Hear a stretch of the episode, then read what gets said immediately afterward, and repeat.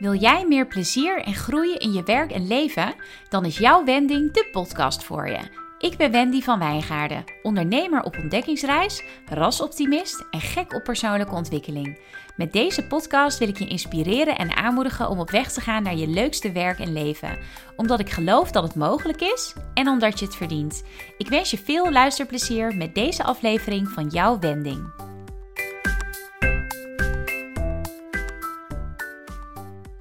Hey, leuk dat je luistert naar aflevering 12 van jouw wending.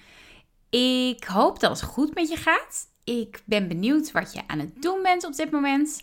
Ik, nou ik zit achter de computer. Ja, dat is heel simpel. Maar ik kan je wel even vertellen waar ik de afgelopen dagen vooral mee bezig ben geweest. Uh, het is nu eind juni en op 1 juli, juli ook wel gezegd, uh, ligt de Viva in de winkels. Met daarin mijn uh, interview voor het item Money Talks. En dat is het item waarin een lezeres wordt gevraagd uh, over haar inkomsten en haar uitgaven en hoe ze met geld omgaat, hoe ze tegen geld aankijkt.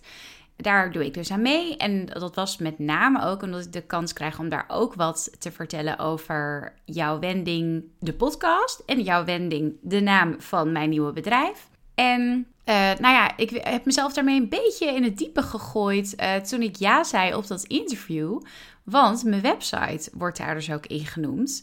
En ik heb nog geen website. Dus uh, ik ben nu al een tijdje bezig. Uh, daar heb ik in de vorige aflevering over verteld. Met uh, Marlies, mijn webbouwer. En ik heb de afgelopen week ook een fotoshoot gehad. Met ook een Wendy, Wendy van Aal.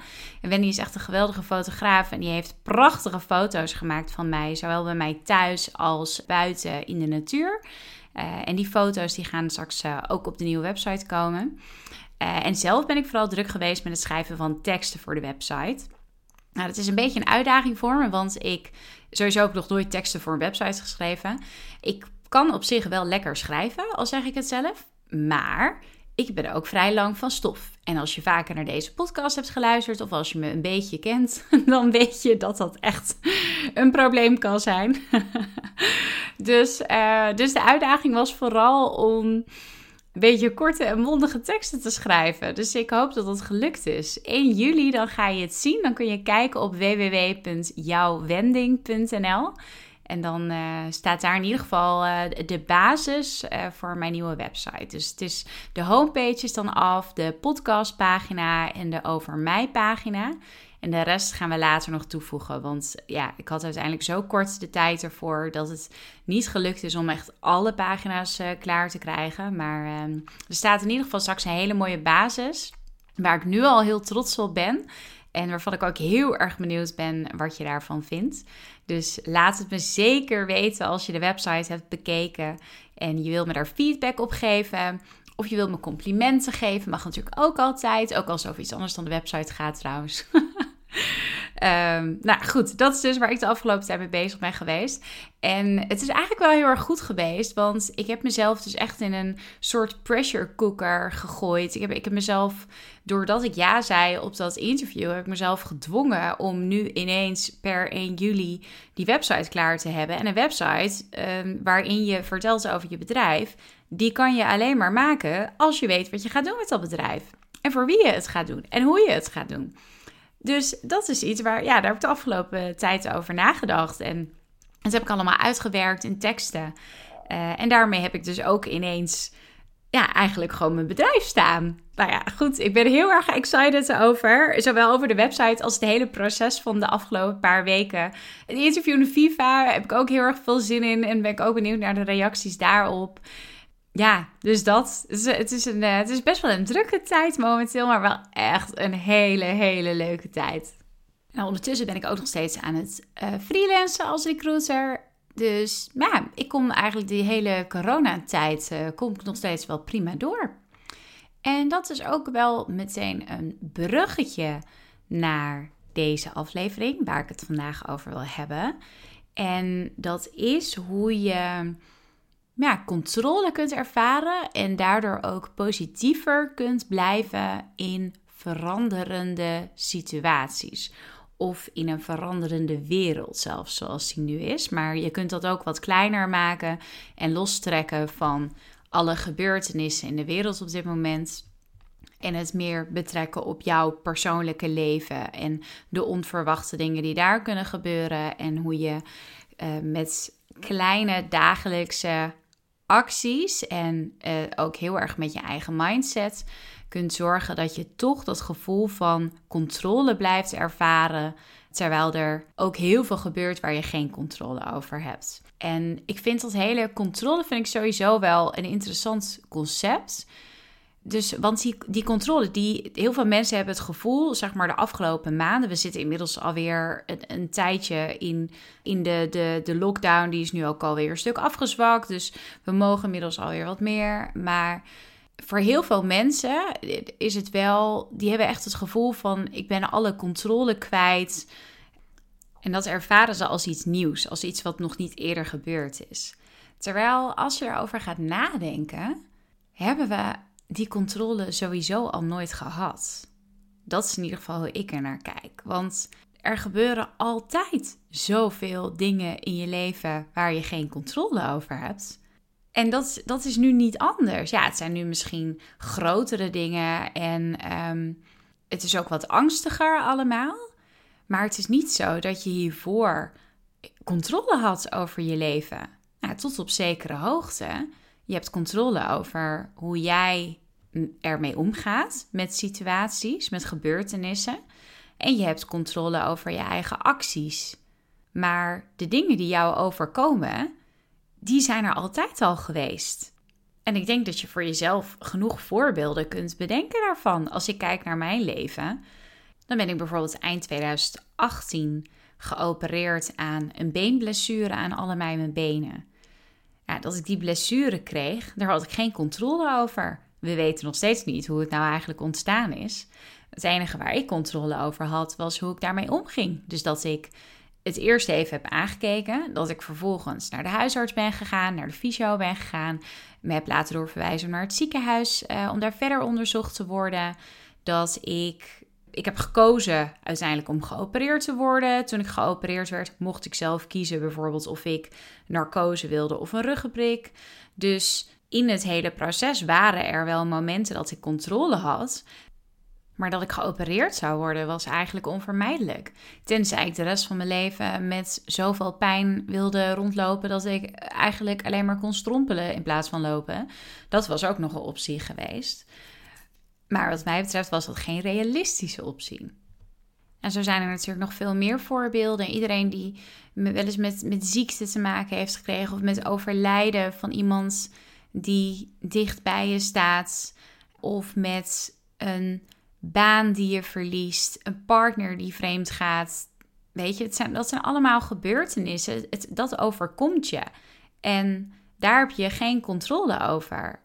Het enige waar je dus controle over hebt, is wat je doet op het moment dat het je overkomt. Ja, en zo zie ik het nu dus ook met corona. Weet je, die hele pandemie is ons overkomen. Er is niks wat wij, ja, als we, als we massaal allemaal op tijd thuis waren gebleven, hadden we het misschien kunnen voorkomen. Maar goed, we wisten dat niet op dat moment dat dat nodig was. Dit is ons overkomen. En het enige waar we nu controle over hebben, is ons eigen gedrag en onze eigen mindset. En ik wil je wat vertellen over hoe ik zelf daarmee omga. Op dit moment, maar ook bij andere onverwachte gebeurtenissen, dingen die mij overkomen zijn. En misschien heb je daar wat aan. Ik hoop het in ieder geval. Dat is wel het doel van deze aflevering. Weet je wat het is? Wij mensen zijn gewoontedieren. En gewoontes, uh, regelmaat, dat geeft ons het gevoel dat we controle hebben. En tot op zekere hoogte geeft het ons dus ook controle in de kleine dingen die we doen. En dat is iets waar ik me de afgelopen tijd ook wel erg op gefocust heb. Op manieren die voor mij goed voelen en die mij een gevoel van controle geven. Nu moet ik er eerlijk bij zeggen dat ik wat minder die behoefte aan regelmaat heb. Uh, ik heb juist heel erg behoefte aan vrijheid en niet beperkt worden in wat ik doe en wanneer ik iets doe. Uh, dus voor mij was het verplicht thuiswerken, niet zomaar naar buiten kunnen en afspreken met mensen. Uh, dat, dat vond ik lastiger dan dat de dagelijkse regelmaat wegviel. Daar had ik eigenlijk niet zo'n last van. Maar alsnog moest ik wel manieren vinden om wel dat gevoel van controle te houden. En voor mij, in mijn geval, dus ook dat gevoel van vrijheid nog ergens in te vinden. Maar dat hangt voor mij eigenlijk ook weer samen met controle. Want uh, de dingen waar ik controle over heb, daar heb ik dus ook de vrijheid om te kiezen hoe ik ze doe.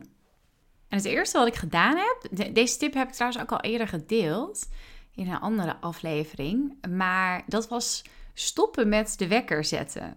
En nu snap ik dat als je kinderen hebt of je hebt elke ochtend om 8 uur je eerste call met je collega's, dan gaat het iets lastiger.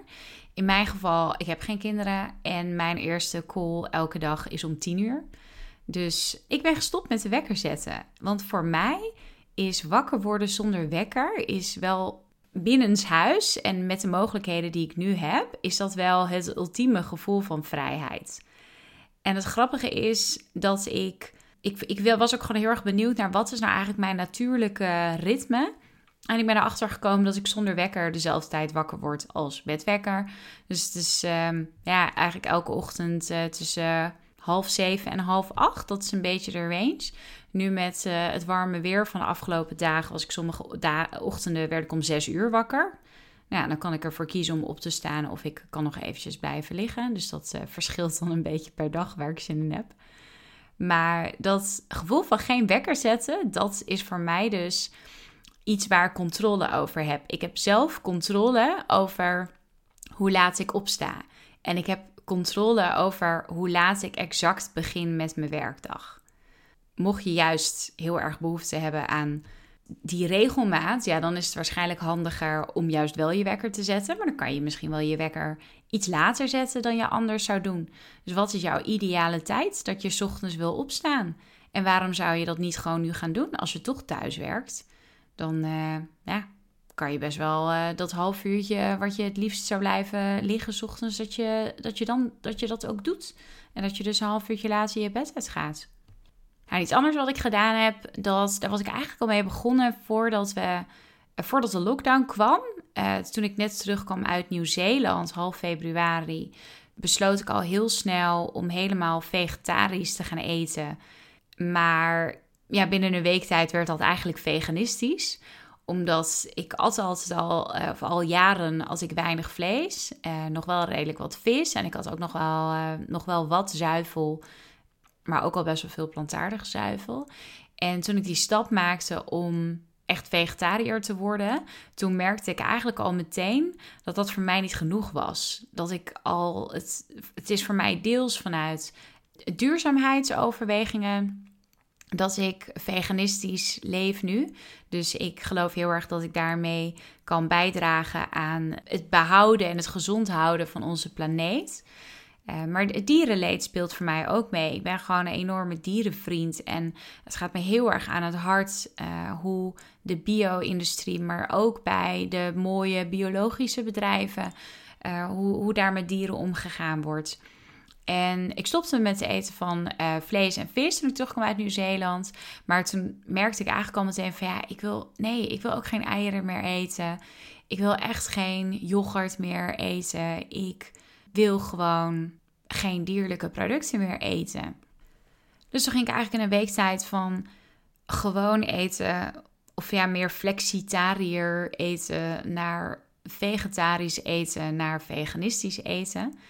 En ook dat is weer iets waar ik, dus ik, daar heb ik ook controle over. Dus uh, ik eet denk ik 95% veganistisch nu ik merk dat nu ik weer wat meer in de horeca kom, dat het soms wat lastiger is. Dan eet ik wel echt vegetarisch.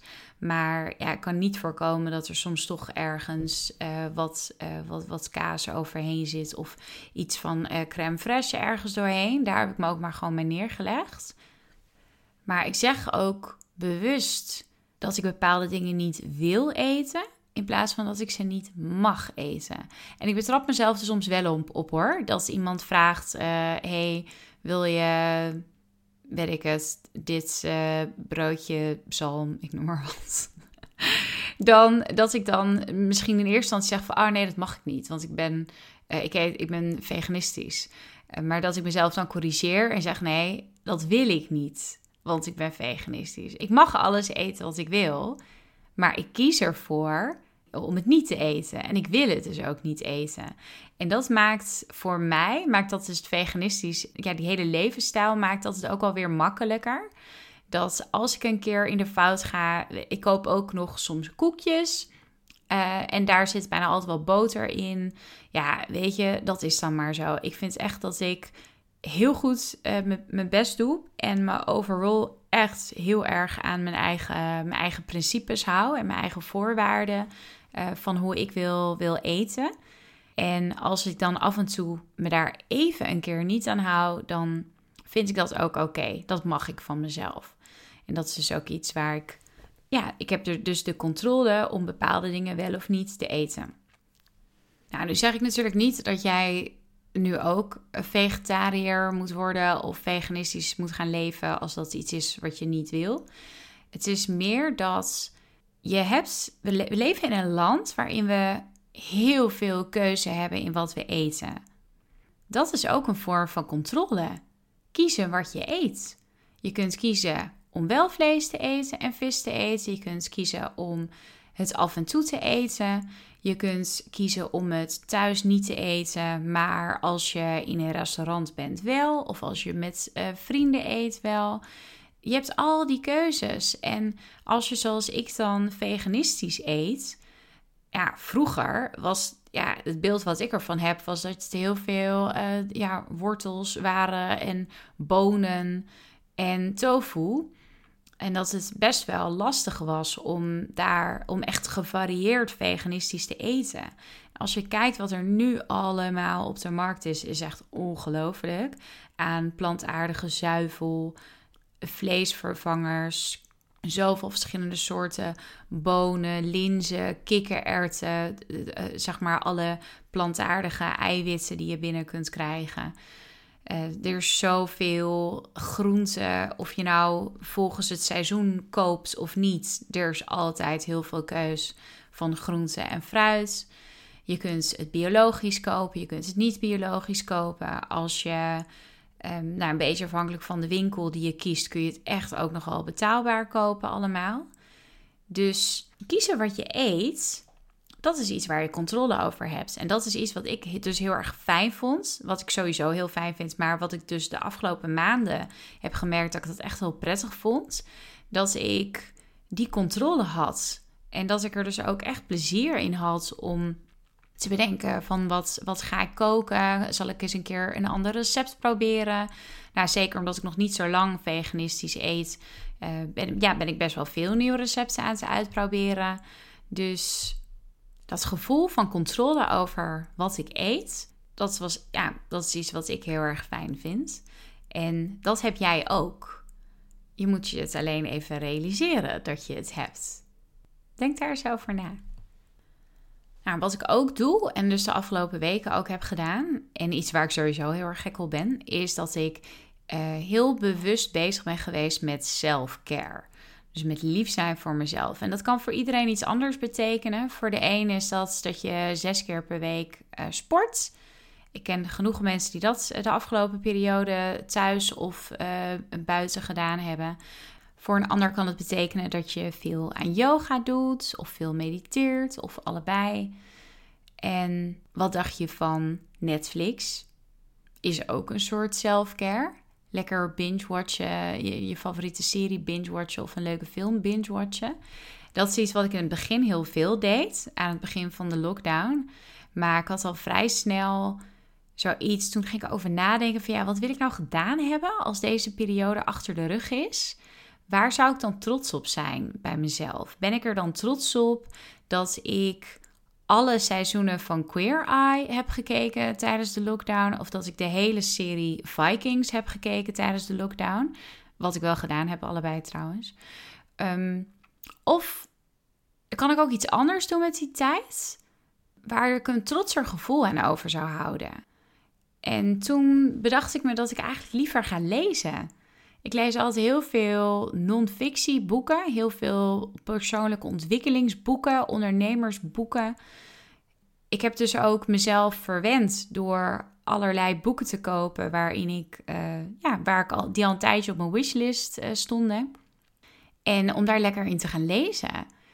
En inmiddels is dat zo'n gewoonte geworden dat ik bijna geen tv meer keek. Ja, tv kijken, dat doe ik sowieso al, denk ik, twee jaar niet meer. Ik keek eigenlijk alleen maar Netflix. Maar ik keek wel bijna elke avond Netflix. En inmiddels heb ik een nieuwe gewoonte. Dat ik alleen, s'avonds als ik alleen eet, tijdens, tijdens het eten, dan kijk ik wel vaak één serie op Netflix. Of soms een halve serie als lange afleveringen zijn. En daarna dan zet ik mijn laptop weer uit. Of mijn laptop, mijn tv. En dan ga ik lekker een boek lezen. En die boeken die lees ik ook graag in bad. Dat is ook voor mij echt een vorm van self-care. Dat ik veel in bad ben geweest. En ook allemaal lekkere bruisballen van Lush heb gekocht. Vegan bruisballen, mensen. Echt, ik ben er zo blij mee. En ze ruiken zo lekker. Dus boeken lezen in bad met uh, een heerlijke kop thee erbij of een glas wijn. Dat is voor mij ook een vorm van self-care. En dat was ook iets waar ik controle over had, waar ik eigenlijk altijd controle over heb. En zeker als je agenda wat leger is, omdat natuurlijk voor heel veel mensen zijn er veel sociale afspraken weggevallen de afgelopen tijd en veel sportschoolbezoekjes, dan kijk, besteed die tijd aan leuke dingen en aan iets waar jij energie uithaalt, wat jou het gevoel geeft dat je goed voor jezelf zorgt. Aan selfcare dus. En dan nog iets wat voor mij altijd ook al heel belangrijk is, maar de afgelopen periode nog meer. En dat is een opgeruimd huis. Ik, het, is, het is heel moeilijk uit te leggen. Ik haat schoonmaken, maar ik haat rommel en viezigheid nog meer dan dat ik schoonmaken haat. En dat heeft als resultaat dat mijn huis eigenlijk altijd heel netjes is en heel schoon is. En toen ik ineens de hele tijd thuis was, merkte ik dat er toch meer rommel kwam. En dat alles wat, wat, dat ik, ja, wat sneller vies werd, wat minder vies, dat ik wat vaker moest stofzuigen en zo. En daar heb ik ook echt elke keer de tijd voor gemaakt om mijn huis netjes en opgeruimd en schoon te houden. En om goed voor al mijn planten te zorgen. Ik heb een hele gekke gewoonte. Mensen die ook gek zijn van planten, die herkennen dit misschien. Maar ik heb dus sommige planten die hele grote bladeren hebben en daar komt wel stof op. En die bladeren poets ik dan af en toe. Sorry als je nu denkt dat ik gek ben, maar ik weet zeker dat er ook mensen zijn. Er zijn sowieso meer mensen die dit doen, want ik ken er ook een paar van. Goed. Uh, ja, dus uh, de bladerenpoets van je planten kan ook altijd helpen. maar, nou ja, weet je, gewoon zorgen dat, dat je huis een fijne plek is om, uh, om, om in te leven. En dat het voor mij is het alleen fijn als het ook opgeruimd is. Want anders dan stoor ik me gewoon aan alle uh, rommeltjes die overal uh, liggen. Uh, verse bloemen halen heb ik ook een tijd elke week gedaan. Ik heb hele lekkere kaarsen gekocht voor mezelf. Die, waarvan er eentje ook op mijn werkplek staat. Dus s ochtends begin ik de, dag vaak even met, um, nou ja, met die kaars die dan even aanstaat. En zo zorg ik er dus voor dat mijn huis een fijne plek is. Zeker omdat ik er nu zoveel ben. En ik heb er dus controle over. Dus het zijn weer die dagelijkse dingen die ervoor zorgen dat ik nog steeds controle ervaar in mijn leven. En nog een laatste voorbeeld daarvan trouwens, of een laatste tip, is kleding. Ik weet niet hoe het met jou zit, wat jij tegenwoordig draagt, maar ik heb de eerste, na drie weken denk ik, heb ik ongeveer alleen maar in joggingbroeken en wandelleggings rondgelopen met hoodies en uh, nou ja, gewoon kleding die ik nooit naar mijn werk zou aantrekken. Dat werd ik al vrij snel, werd het wel zat. Want ik, ja, ik voel me toch iets meer mens als ik ook uh, een beetje normale kleren aan heb. Dus toen ben ik wel weer ja, gewoon de kleding gaan dragen die ik ook zou dragen als ik naar kantoor zou gaan. Maar ik loop wel de hele dag op blote voeten rond, bijvoorbeeld. En dan nog, dus ik draag nu wel weer de kleding die ik ook op kantoor draag. Ik ga tegenwoordig ook alweer één of twee dagen in de week naar kantoor. Dus bij mijn opdrachtgever uh, op kantoor. Maar het hoeft niet. Ik kan nog steeds joggingbroeken dragen als ik wil. Ik kan ook de hele dag in mijn pyjama lopen als ik dat wil. Ik heb er alleen geen zin in. Dus ik kies ervoor om me weer een beetje fatsoenlijk te kleden. Maar kies er dus ook voor om lekker op blote voeten te lopen. Omdat ik dat gewoon het allerfijnste gevoel vind. Zeker als het een beetje mooi weer is. Dan vind ik echt niks lekkerders dan op blote voeten door je huis lopen. Nou, dat zijn denk ik dan wel de tips die ik voor je heb. Dit zijn manieren voor mij die me niet alleen de afgelopen periode, maar eigenlijk altijd een goed gevoel geven. Het gevoel geven dat ik controle heb over mijn leven. Ook als er uh, van buitenaf allerlei gebeurtenissen zijn waar ik geen controle over heb. Dan heb ik wel controle over mijn kleding, wat ik eet, hoe laat ik opsta, wat ik in mijn vrije tijd doe en hoe mijn huis eruit ziet. En wat ik zelf ook wel fijn vind van deze manieren, deze tips, is dat je eigenlijk van niemand anders afhankelijk bent. Natuurlijk heb je wel, als, ja, als je met andere mensen in huis woont, moet je daar wel rekening mee houden. Maar ook dan kun je nog steeds voor een heel groot deel zelf die controle nemen. Je hoeft niet per se te eten wat je man eet. Stel dat jij veganistisch wil eten en hij niet. Ja, ook prima toch? Dan eet je toch allebei wat anders. Nou, voor mij zijn dit dus allemaal manieren die mij helpen om controle te ervaren in mijn leven. En als ik dat gevoel van controle heb, dan ben ik ja, eigenlijk per definitie voel ik me ook wat, wat vrolijker en gelukkiger. Mocht je nou nog een handig handvat willen om je wat gelukkiger en opgewekter te voelen, dan kan ik je aanraden om naar aflevering 11 te luisteren. Dat is de aflevering voor deze. En die gaat over dankbaarheid. En daarin deel ik ook een oefening uh, over dus hoe je kunt oefenen om meer dankbaarheid in je leven te ervaren. En dat is iets wat voor mij echt life-changing is geweest. Uh, waardoor ik echt veel positiever in het leven ben gaan staan. En dus elke dag steeds weer nieuwe dingen zie waar ik dankbaar voor ben. Dus wie weet, eh, als je die nog niet geluisterd hebt, dan kun je dat ook nog doen. Daar heb je dan misschien ook wat aan. Voor nu wil ik je bedanken voor het luisteren.